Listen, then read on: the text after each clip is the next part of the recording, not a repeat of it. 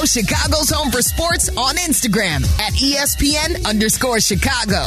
This is Chicago's Home for Sports, ESPN Chicago.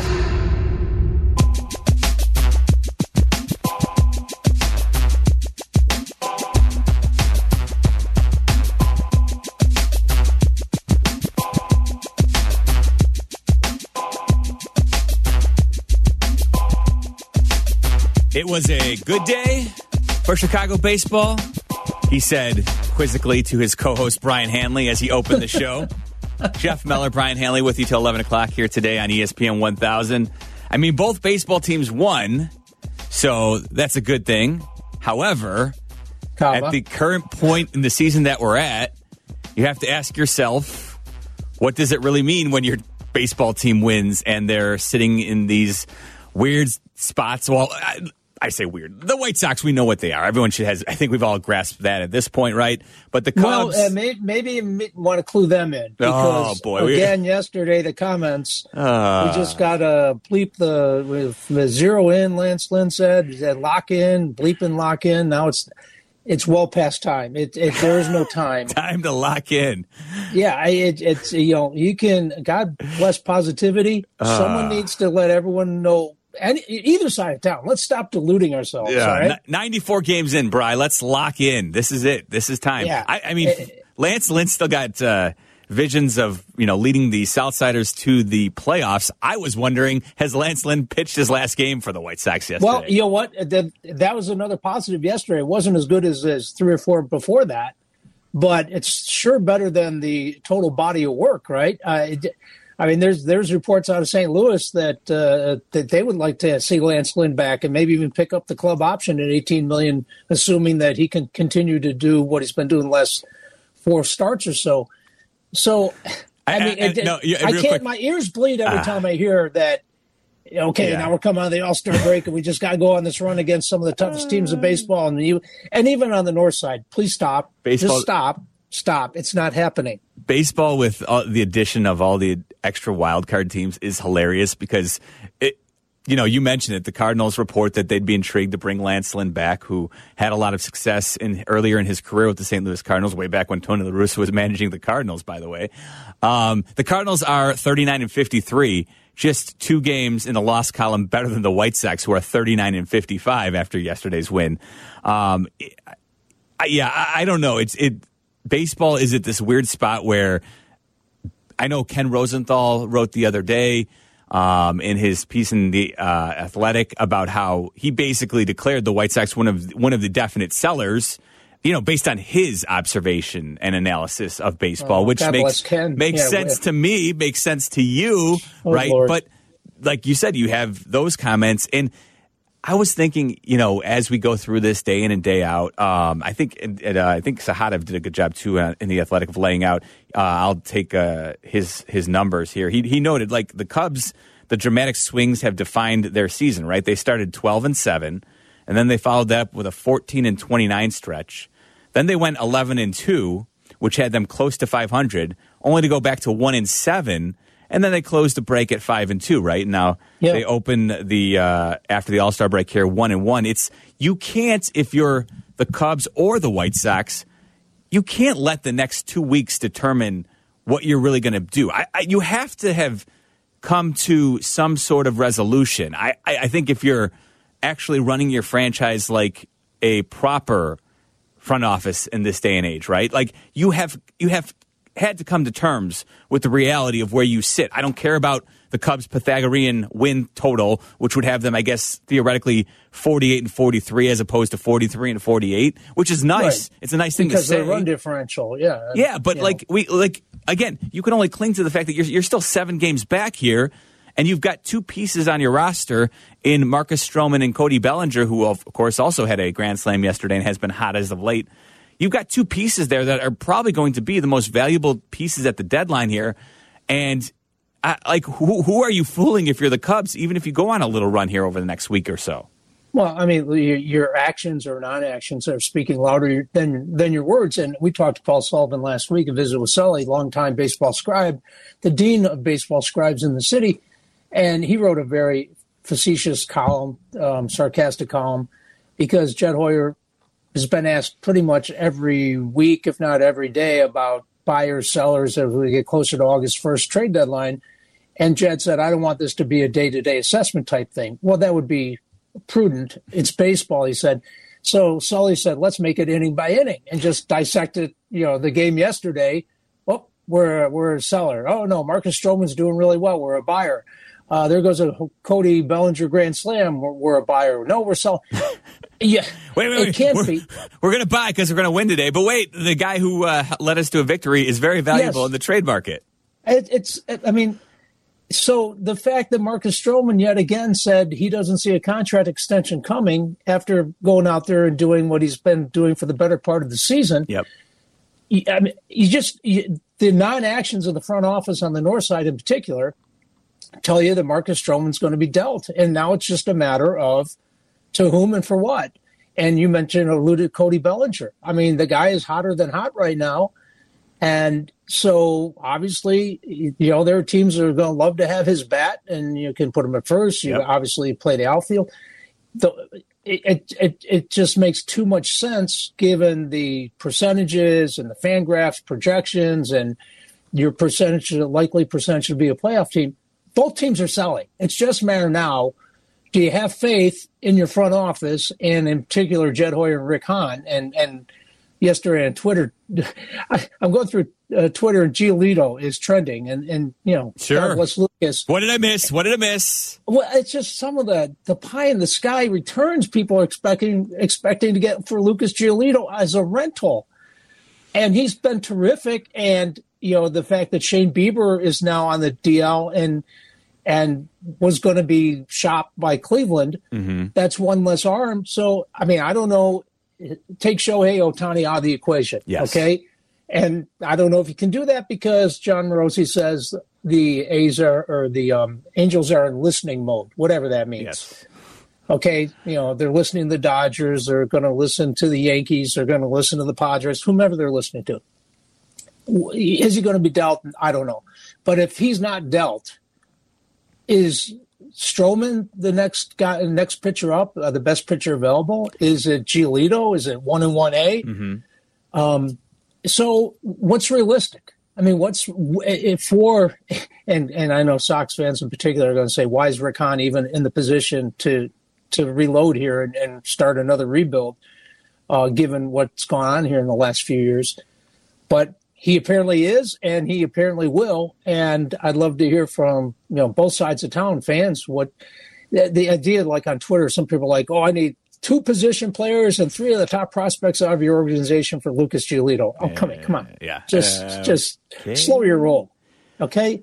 You'd be lucky to get uh, one of the top prospects in the in, in said organization and, and, a middling prospect. Or now, now if you throw in Lance Lynn or or sweeten the deals, I mean, I don't know how much of a sweetener that is, but if you package something, then you can maybe expand the return. But well, you it, know, it, it's interesting, Bry. Like, would here's the, like I'm of the mind if I'm the White Sox and I am going to tr- you know trade Giolito because that makes the most sense and to your point, whether he's one or one A, you know, right after Stroman, I, I, think you know, I could. It's probably in the eye of the beholder. There's some people out there who probably like Giolito's ability to strike out hitters more than sure. Stroman. So there might be some people who actually would prefer Giolito if they had their choice. But I'm sure it's going to come down to with all the teams. Every team obviously always needs pitching at the trade deadline. I mean, so, the Dodgers really need pitching oh. now. Clayton Kershaw's getting an MRI. Yep. He said, "Oh, I'm fine. I'm fine." Well, you're not fine if you're getting an MRI you're, I mean, I guess they're just making sure he's fine, but he's still going to miss a couple weeks here. And I mean, their their starting rotations looking a, a little bit uh, thin. And boy, is it taking its toll on them as they've won six in yeah. a row, Brian. Yeah, boy, uh, yeah. Uh, Good organizations can overcome things, but you know, you want to position yourself in the postseason to have some depth there. No, no, there's no doubt about it. And yeah, the I think maybe maybe our job is to give you know fans out there a cold dose of reality that, you know, if you're the Sox, I think the move is to essentially shop Giolito. And here's the thing it really should be, I think it should be paramount to move him sooner rather than later because if you can beat other teams to the market. Amen.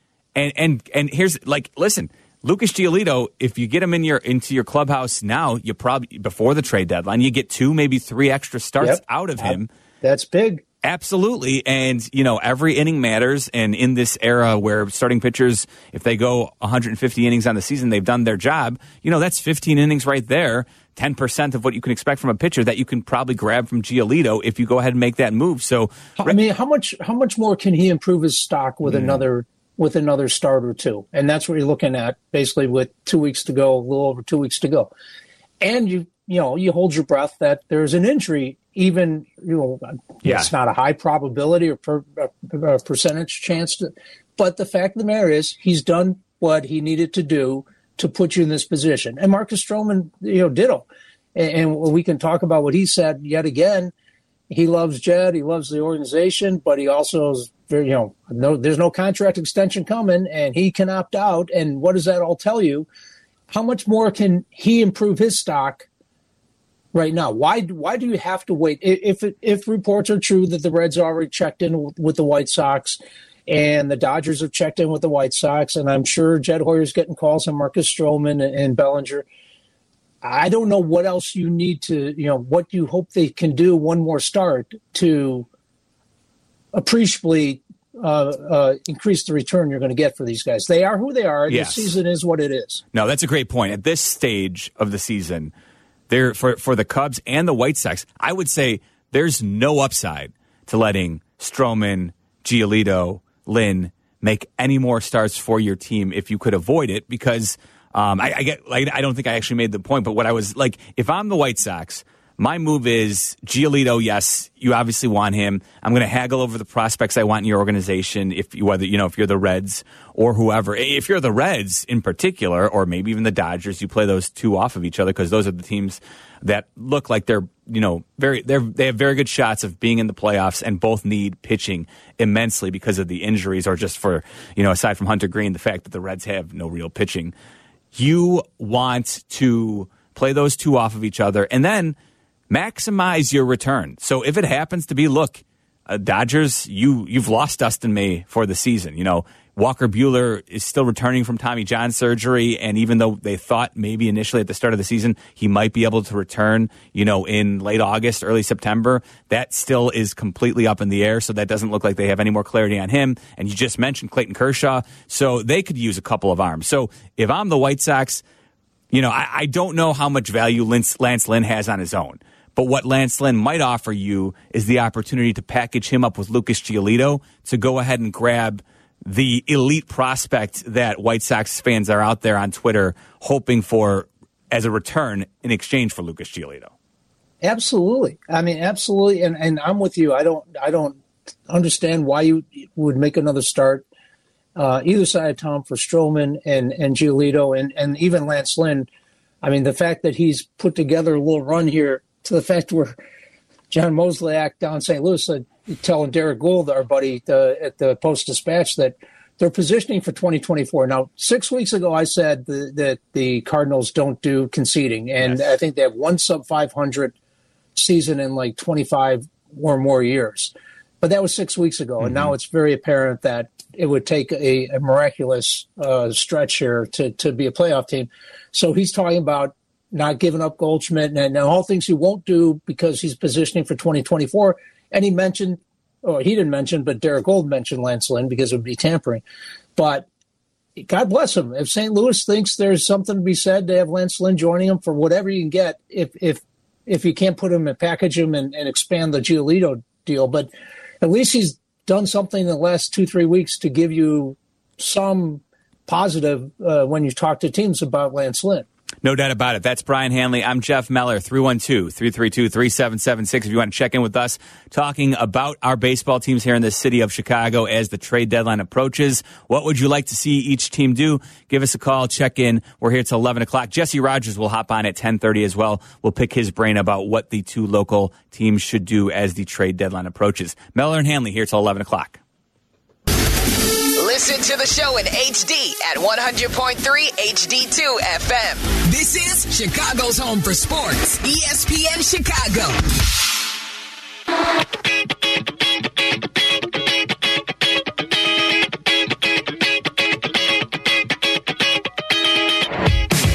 Mel and Hanley hanging out with you until 11 o'clock today on this Sunday morning. Getting you set for White Sox baseball here on ESPN 1000 as the Sox will conclude their series in Atlanta against the Braves. They got the win last night, six to five over. Boy, that team is just even when you beat them six to five, it just feels like you got out, you survived that one. Actually, the White Sox did survive that one. Let's uh, let's not uh, pretend like they didn't. As the game wrapped up like this here on ESPN 1000. And a pitch, swinging a broken bat roller. Tim will pick it up. He steps on second, throw to first. White Sox win a 6 3 game ending double play. Tim Anderson, did he uh, boost his uh, his trade value there, Brian, with that uh, game ending saving double play to uh, squeeze Kendall Graveman out of a jam? Well, look, I mean, at least he came up with a double play because I'm watching the game and I'm watching Twitter at the same time, and everyone's lamenting that there he is in the second spot in the lineup mm-hmm. yet again and doing what Tim Anderson unfortunately has been doing. He's over for two strikeouts, but at least, I mean, it was a good win. Um, I think it was also telling yet again that in in a solid win, arguably one of the better wins of of their season, and you don't have you know spoiled for choice. But you have uh, Pedro Grifol talking about lack of focus and lack of detail and things. You know, God bless the manager, rookie manager, taking uh, responsibility for that. But we're pretty far into the season when we were sold in the offseason that from day one this was going to be the the the sea change. We're getting rid of Tony La Russa, and uh, you know Rick Hahn telling you that Grifol is a, a unbelievable quote unquote renowned communicator and modern baseball mind who's going to seek to rebuild a cohesive and inclusive clubhouse environment and one where attention to detail and accountability will be priorities. And yesterday, you have the manager, uh, renowned communicator and, and modern baseball mind saying, we've got to be better at it. That's something we've spoken about individually and he's all these meetings. But again, the focus hasn't been there. And anyone watching White Sox baseball will tell you the focus hasn't been there. Yeah, we'll see if they're focused today. Pre-game coverage comes your way at 12 o'clock today. Uh, I mean, listen, at the very least, it is uh, interesting to watch the Braves closely. I mean, you saw that lineup is just unrelenting. Man, you know, uh, I heard Connor mention they're, you know, they're chasing the uh, Yankees, the 2018 uh, Yankees for consecutive games with a home run. They've just been bashing the ball. And it makes sense because you look up and down their lineup, it seems like everybody has double digit home runs. And then, by the way, Ronald Acuna, Matt Olson, mm. you know, Ozzie Albies, you know, has got 20 some odd home runs and he looks like someone who could barely poke the ball through the infield. So they are just a ridiculous lineup. And then, oh, by the way, I'll give the White Sox credit too. They, uh, they put it on Spencer Strider a little bit, which yep, that, that's absolutely. hard to do and and a lot of really good two strike at bats, and they they found a way, and two out uh, at bats where they found a way, and and that's great, and it, it's a feel good for them for in the moment. But you know, as, as I'm sitting here, and, and, you know, Jon Morosi and Jon Heyman and Nema John, who's a baseball guru, and they're, they're all telling you who's checking in with the White Sox, and in the next sentence they're writing, well, here are the untouchables. Yes, and you know, I'd love to pick your brain. I'd love to pick White Sox brains. I'm I'm I'm going to stipulate, uh, Your Honor, that uh, Luis Robert shouldn't go anywhere. Okay, I makes gonna, sense. I I I may uh, stipulate Dylan Cease shouldn't go anywhere, but uh, maybe I'm open to that conversation, depending uh, if you're going to wow me or not. Yeah, I think you know that's probably the most interesting name on the White Sox roster because Giolito, you have put yourself in a position. You know, this is too where the the philosophy of Jerry Reinsdorf not looking to get into long term deal with pitchers, right? So you put yourself in a position with Lucas Giolito where there's no discussion, right? Like we like it is what it is with him.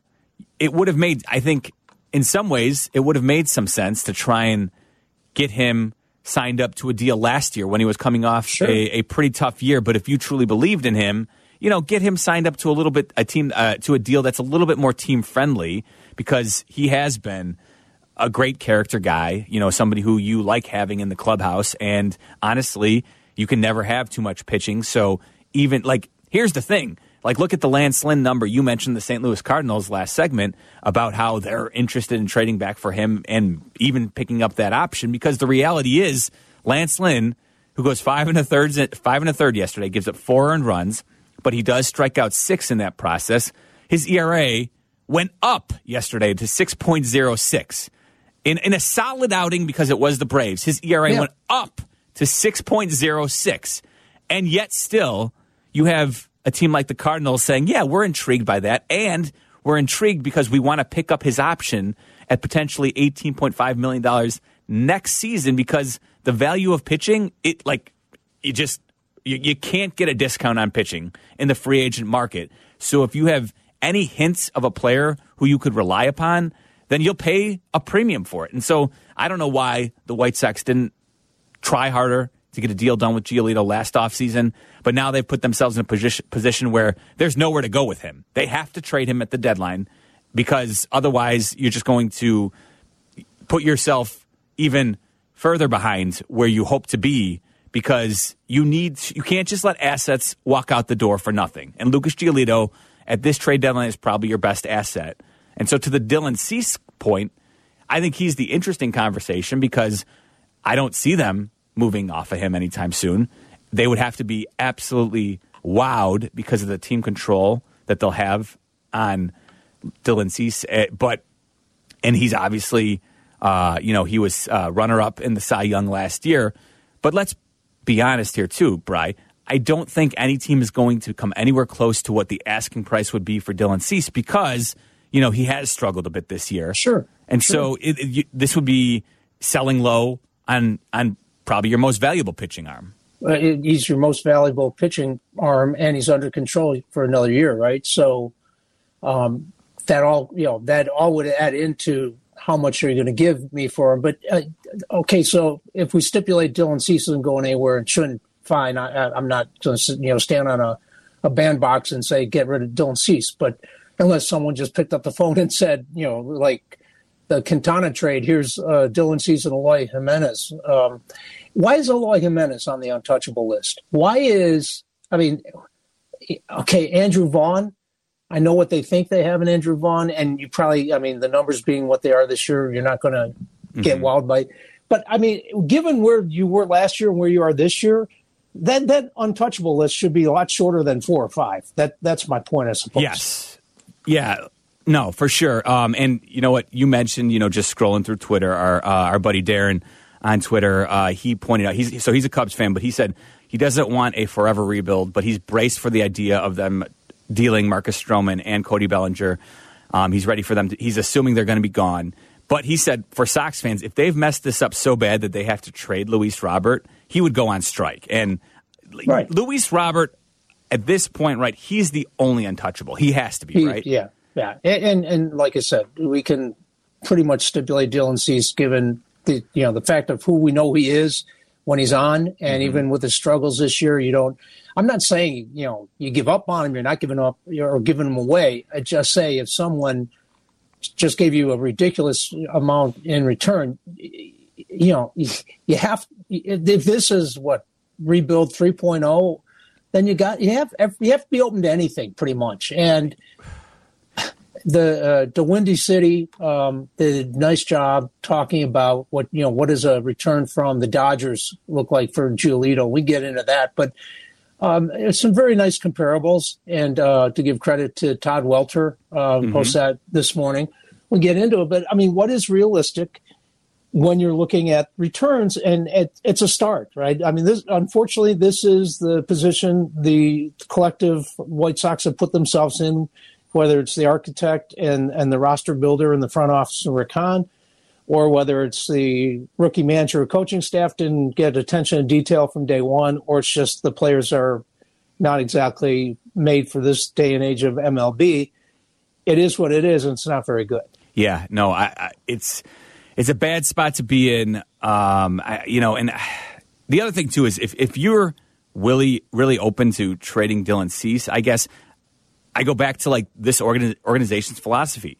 Is Dylan Cease just going to walk out the door, Brian, anyway, when he becomes a free agent because you don't want to sign him to a long term deal? Because let's be that's honest, not, yeah, that's I, not yeah, that's not what you do as the White Sox. I mean, it, unless I mean, yeah, I guess there's a possibility. Well, I mean, the owner is the owner, and if that's Jerry's philosophy and his uh, you know business plan, no matter if Rick Hahn survives this or not, if there's someone else sitting in that office in the off season and calling the shots, and he, he, can he tell the you know tell the owner, the boss, that well we need to wake up and and give five year deals at X, you know, fill in the numbers, or is that just because the owner's not going to do that? It doesn't matter who's making who's making the telephone calls or receiving them because the Sox just don't do that.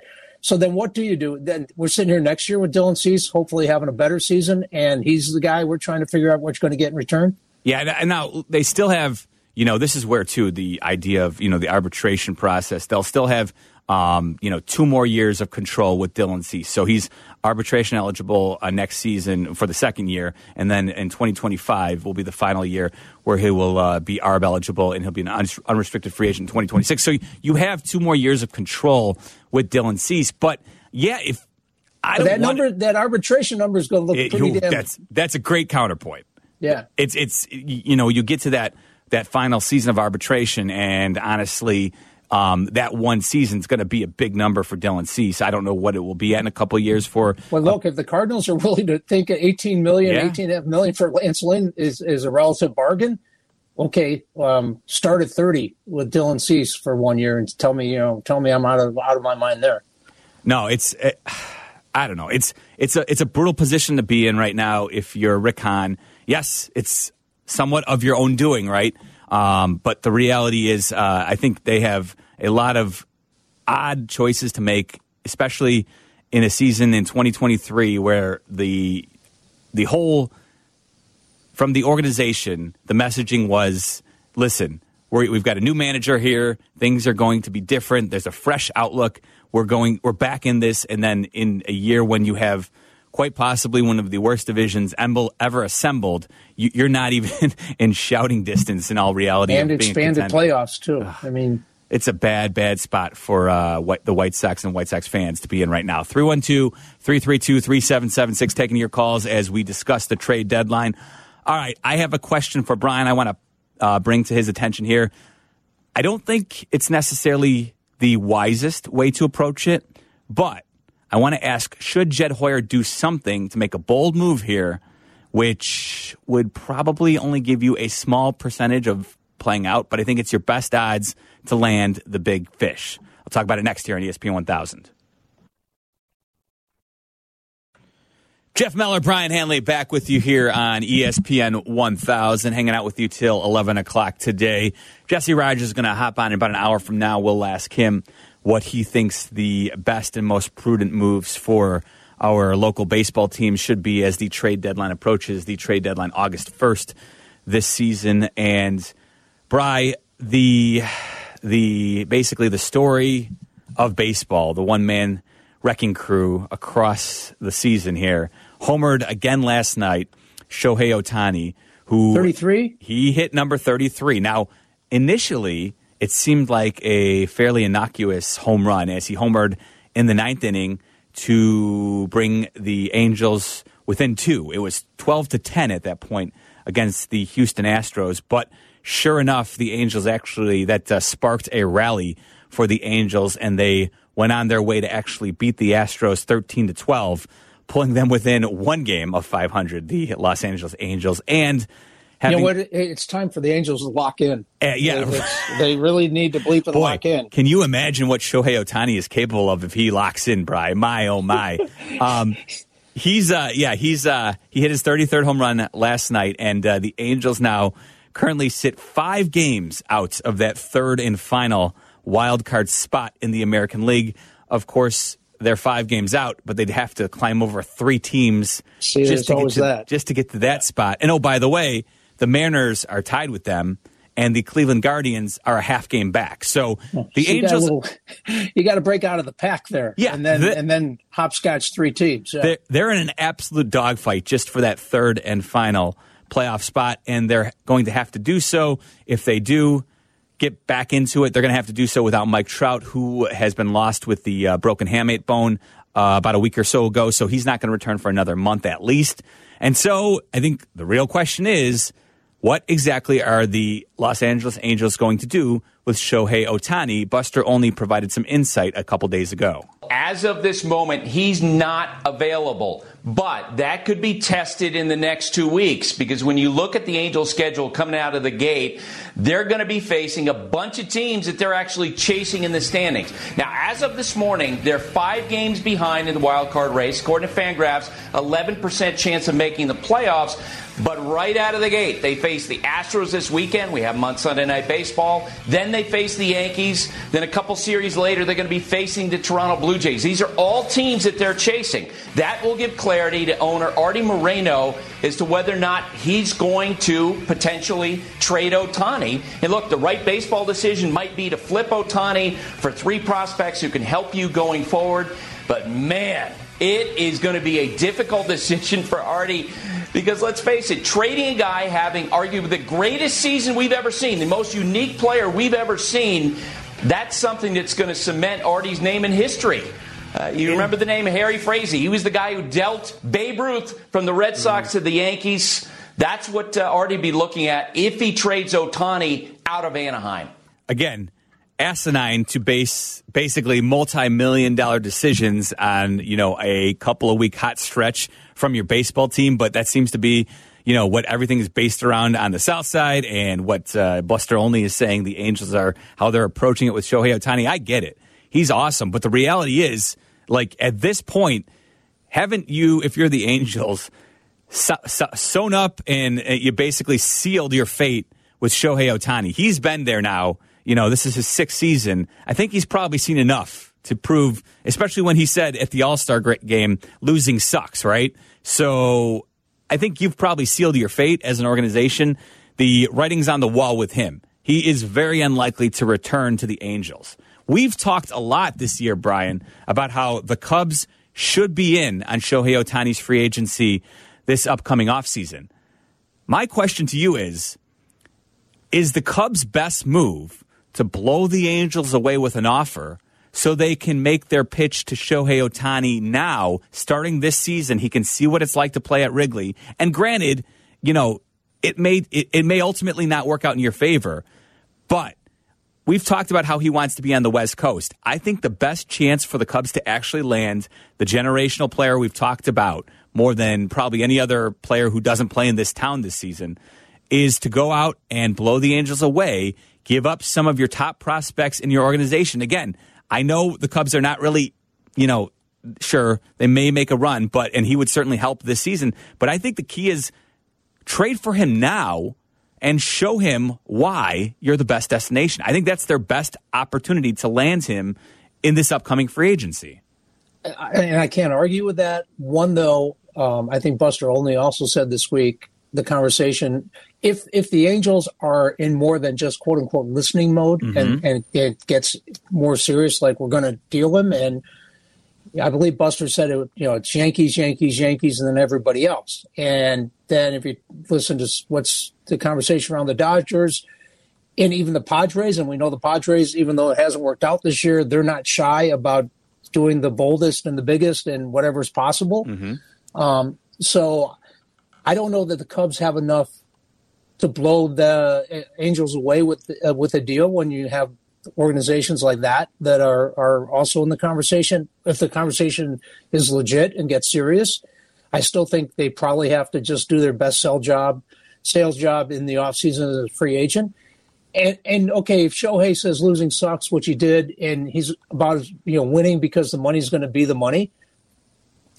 How do you if you if you trade Marcus Stroman and Cody Bellinger and then you know you get a bunch of prospects in return go to the table and, and his representatives say, you know, Shohei comes here, we give you the half a billion plus.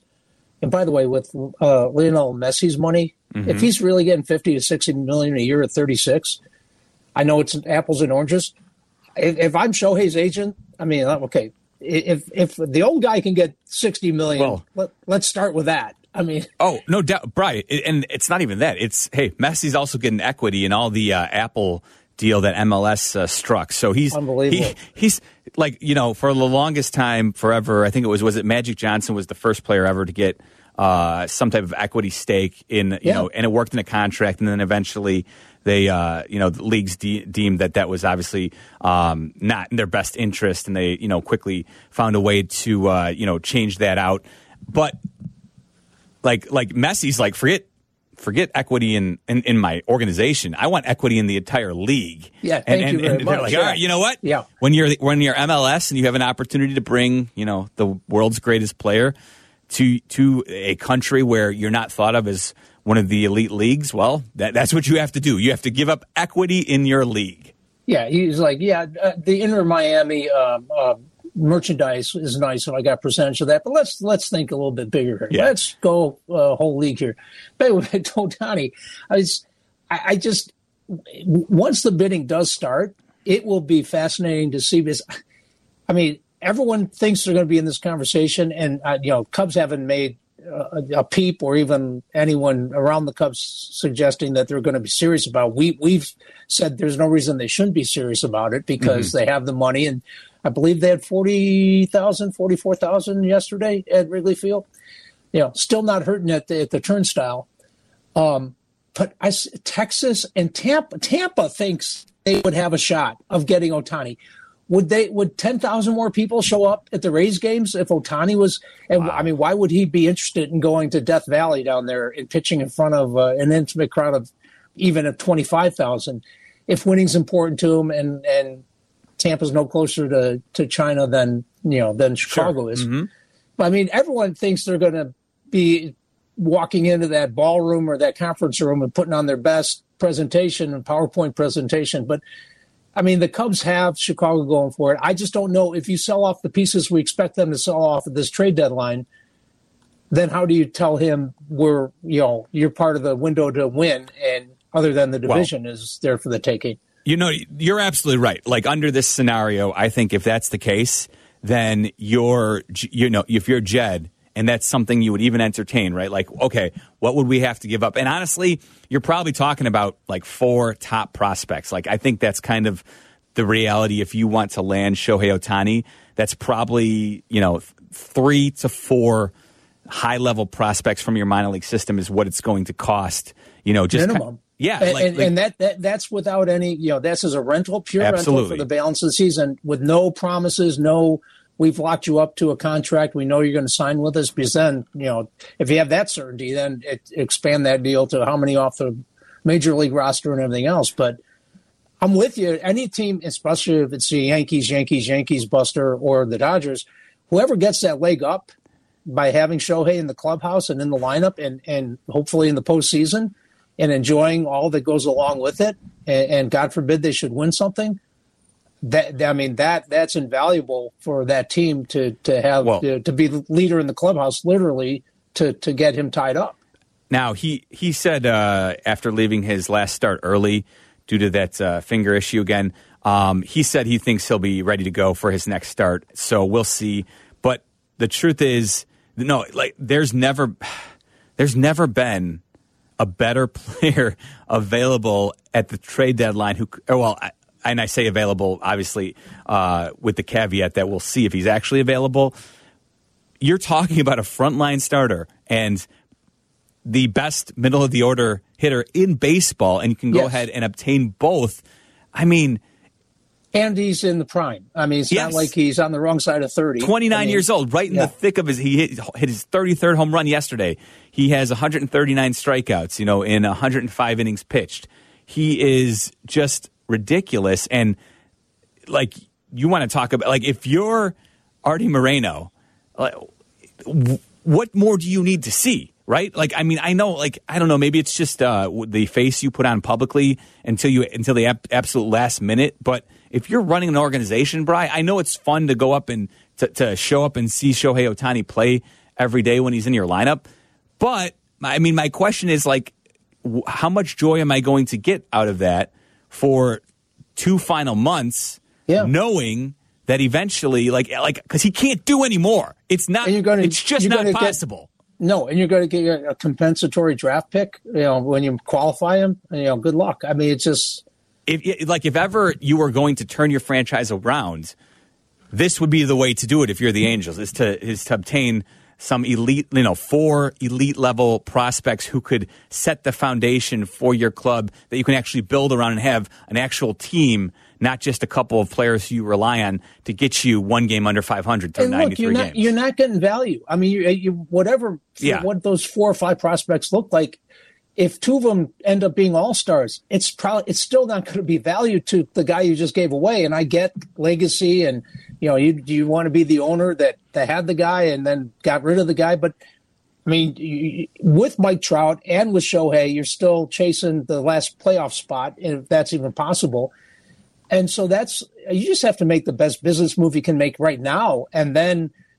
I mean, it, we always talk about okay, you trade him now and then try to re-sign him in the offseason. I, I don't know that his love for Anaheim is going to trump the Dodgers, the Padres, which you know, and, and the Yankees are the Yankees. I mean, it's Yeah. just.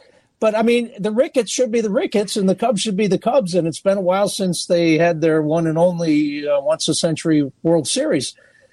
They, uh, you have the financial wherewithal to certainly be in that conversation. You just you have to, to pitch the winning side of it, and I'm not so sure you can do that at this point. We'll talk more baseball, especially coming up at 10:30. Jesse Rogers will hop on. We'll talk to him about the uh, Cubs, Sox at the trade deadline, and even Shohei Ohtani if he thinks he'll be moved.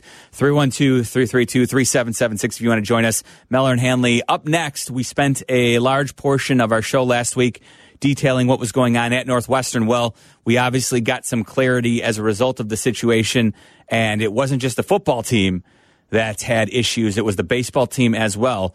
We'll recap a little bit of that and discuss that before we get back to baseball here on ESPN 1000.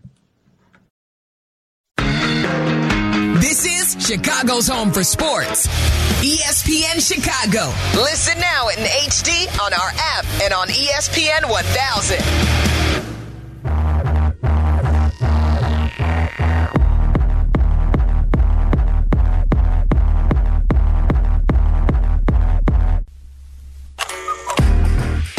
Jeff Meller, Brian Hanley hanging out with you till 11 o'clock here on ESPN 1000. And Brian, last Sunday we spent a good portion of the show. We had uh, Adam Rittenberg on as he was just like an hour after having spoken with a key source in the Northwestern football hazing scandal. You know, he joined us and talked about all the issues surrounding the football program, which ultimately led to the firing of Pat Fitzgerald. And then just three days later, Northwestern had to address its baseball program, and they fired Jim Foster on Thursday. I'm sure for a lot of people out there, Jim Foster, they were learning his name as he was being fired because, you know, that's where college baseball kind of resides on these, you know, the casual sports fans' mind. But it leads to the questions of what exactly is going on inside the Northwestern athletic program when you have not just one but two sports where you have hit issues regarding just you know just like I said, uh, Fitzgerald uh, found um, you know for having participated in widespread hazing, including forced nudity and sexualized acts. We talked about it a lot last week. Just just disturbing, and and and then when you see some of the reporting about Jim Foster and you know what you know some of the just heinous stuff he was doing there as well. It's just it's really leads you to wonder what exactly Derrick Gragg and the athletic director at Northwestern and you know Michael Schill what their plan is going forward, assuming Derrick Gragg still has a job anytime soon here. Well, it, seems to me he's an empty suit. And uh, certainly when it came to Pat Fitzgerald, who'd been there and been the face of not only the uh, the, the football team, the athletic department, but arguably the university. And so you have a, a first year president in Michael Schill, who was just, uh, you know, really uh, what inducted or inaugurated or whatever, sworn in in June. Um, and this is, he waffles, he gives a two week uh, unpaid suspension on a Friday, and then Monday said, it was Saturday, said, maybe I aired. And by Monday, that you know Pat Fitzgerald is told uh, your services are no longer needed. The Jim Foster thing, and I'm with you. I couldn't have picked Jim Foster out of a lineup because as much as people aren't paying attention to Northwestern football, um, they certainly don't follow baseball unless you're an alum or you played on the team or you know you have kids or, or friends or relatives on the team. But when you start looking at this timeline, they how do you have an HR investigation and, and the the bullying and and a lot of the allegations go date back to last fall before he went to, on to lead the team to a 10 and 40 season, which yep. I believe is not good. And and and then after the first road trip, you had two or three longtime assistants say, "Okay, I'm done with this guy, and I'm done. I'm we're out." And his response is, "Well, maybe they weren't cut out for the job. Maybe they wanted my job.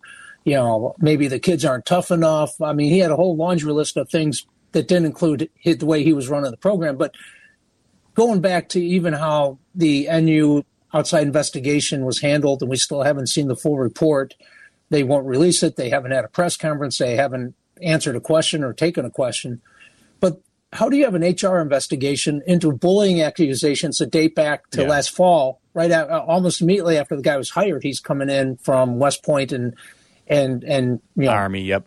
Yeah, and, and they don't even talk to a player.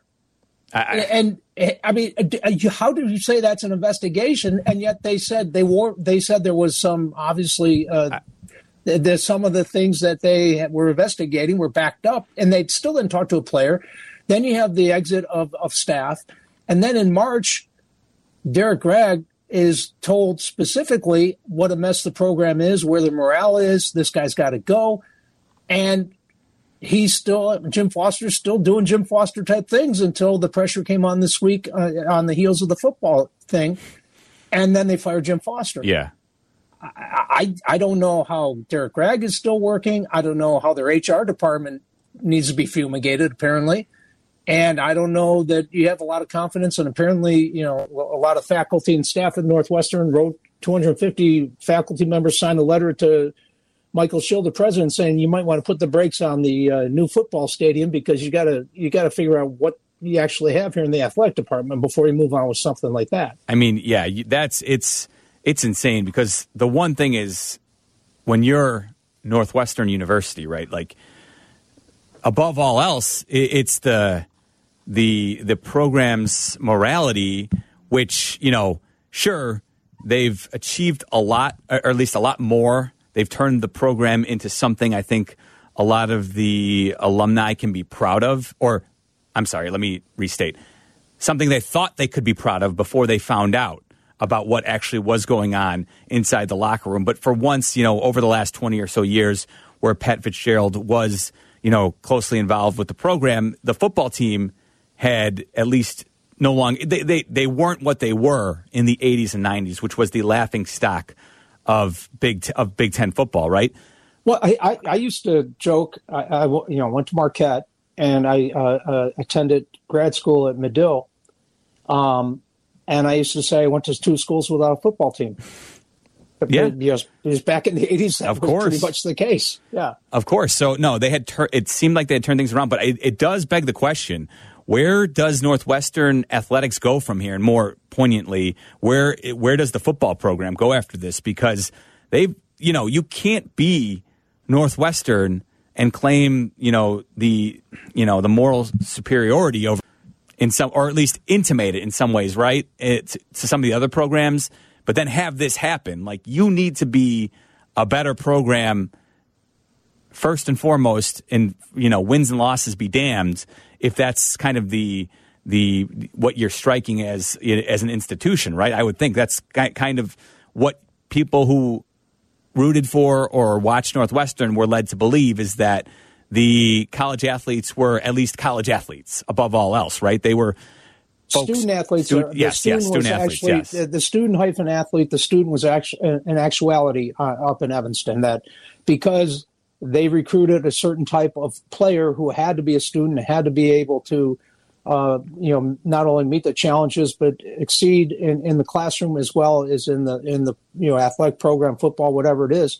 That that's how they distinguish themselves. That uh, they can't get the best players necessarily because they actually expect their kids to go to class yeah. and participate and get a degree. And and I will say this, uh, and we talked about follow the money last week. You know that Pat Fitzgerald, if they were going to terminate him, they would have to come to some sort of agreement because of the eight years left on his fifty-seven million dollar contract. And now we know that he's retained Dan Webb, a high profile uh, lawyer to who claimed that they've reached not one but two contracts. Uh, the disappointment for me, eh, well, there's many layers of it, but that Pat Fitzgerald, again, who's not answered a question or, or publicly addressed any of it, through, but through statements, he, of course, we know he says he was unaware of any hazing that existed, although he was going to take a two week unpaid suspension. So he seems to have acknowledged by accepting that penalty yeah. that something did in fact happen. To what extent, we don't know, you know, whether, you know, you take him at face value, you said you didn't know any of it. Um, but the fact of the matter is, in his statements, not once did he say he feels for the, the kids who felt they were scarred by said hazing and did have issues with it and felt like their their concerns weren't addressed. There was no there was no acknowledgement that the hazing happened. It was all about basically where's my money. And for a guy who's been the face of the university and we all thought was going to be there as long as he wanted to be there and go cats, he finished every interview with go cats because you know no one believed that was a put on. That's how he yeah. invested he was in the university he attended and, and and in the team he coached. But it, now it just turns into a business tra- transaction. Not once did he acknowledge that there was anything going on post suspension and post um, firing. It, it, not not once did he say anything about students uh, hyphen athlete. It, it's all about okay, now you know you're going to get. I got a lawyer, and we'll see how ugly it gets. I mean, I still assume they'll they'll work something out because I don't think they want either side wants this to be further uh, have you know a light shown on further what how the university handled it or whether Pat knew or didn't know and what he knew and didn't know and whether he encouraged it or didn't encourage mm-hmm. it and and I will say this, Marc Ganis, who, you know, if you want a quote, he's always there for you, a sports consultant. He said, Pat Fitzgerald's now the hottest commodity in college football. No, Mark, he's not. He's going to be in the NFL on somebody's yeah. staff. There's no AD in the world who's going to be able to. By the way, he was one in eleven last year, and he's had three of the last four seasons where they've had uh, a lot of losing. He's not the hottest commodity in college football, and and no one's going to, no AD is going to be unless Derrick Gragg gets a job somewhere. Um, no one's going to introduce Pat Fitzgerald as the next head coach of said university. Uh, you know, by the start of next season or even next year. We will see where they go next and how it plays out. It will be a fascinating way to see uh, what Northwestern athletics turns into after this. 312 332 3776. He's Brian Hanley. I'm Jeff Meller. Up next, we turn our attention to the bear, but maybe not the bear you think.